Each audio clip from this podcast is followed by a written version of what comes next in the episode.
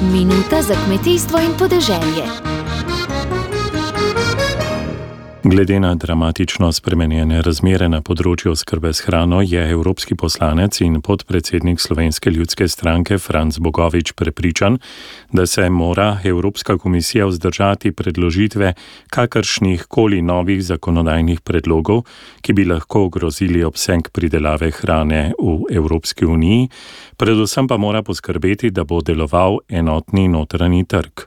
Ob tem pa dodaja. Poleg trga so pa tudi ukrepi, eh, ki smo jih v okviru Evropske ljudske stranke predlagali, gredo v to smer, da poizkušamo v letošnjem letu, ko je setev eh, jarih žit v Ukrajini pod velikim vprašanjem, eh, pospešiti eh, to setev jarih eh, žit v, v Evropi. Kaj narediti za to, se pravi, sprostiti površine, ki so sicer zdaj eh, v okviru skupne kmetijske politike predvidene za praho.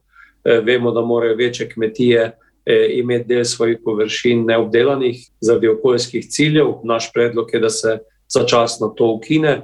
Prav tako tudi takšni ukrepi iz te tako imenovane zelene arhitekture, kot je naprimer trajna travinja po petih letih, če je travinje eh, iz njivske površine po petih.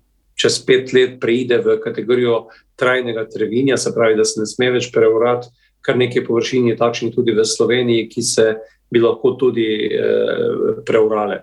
Drugo je tudi to, da se pri stročnicah, ki so tudi na teh ekoloških površinah, smejo uporabljati tudi pesticidi, kajti eh, sicer se ne, smo, ne smejo. To je nekaj teh ukrepov, s katerimi smo, smo želeli na zelo praktičen način, kot sem želel najprej zagotoviti notni trg, po drugi strani pa povečati proizvodno hrano v tem kriznem letu in eh, stabilizirati trg. Setvijo se mudi, bo Evropska komisija uspela hitro odreagirati? Poziv je šel v tej smeri in tudi prvi signali iz komisije, tudi iz sveta, se pravi iz držav članic, gredo v to smer, da bi se to lahko sprejelo pravočasno.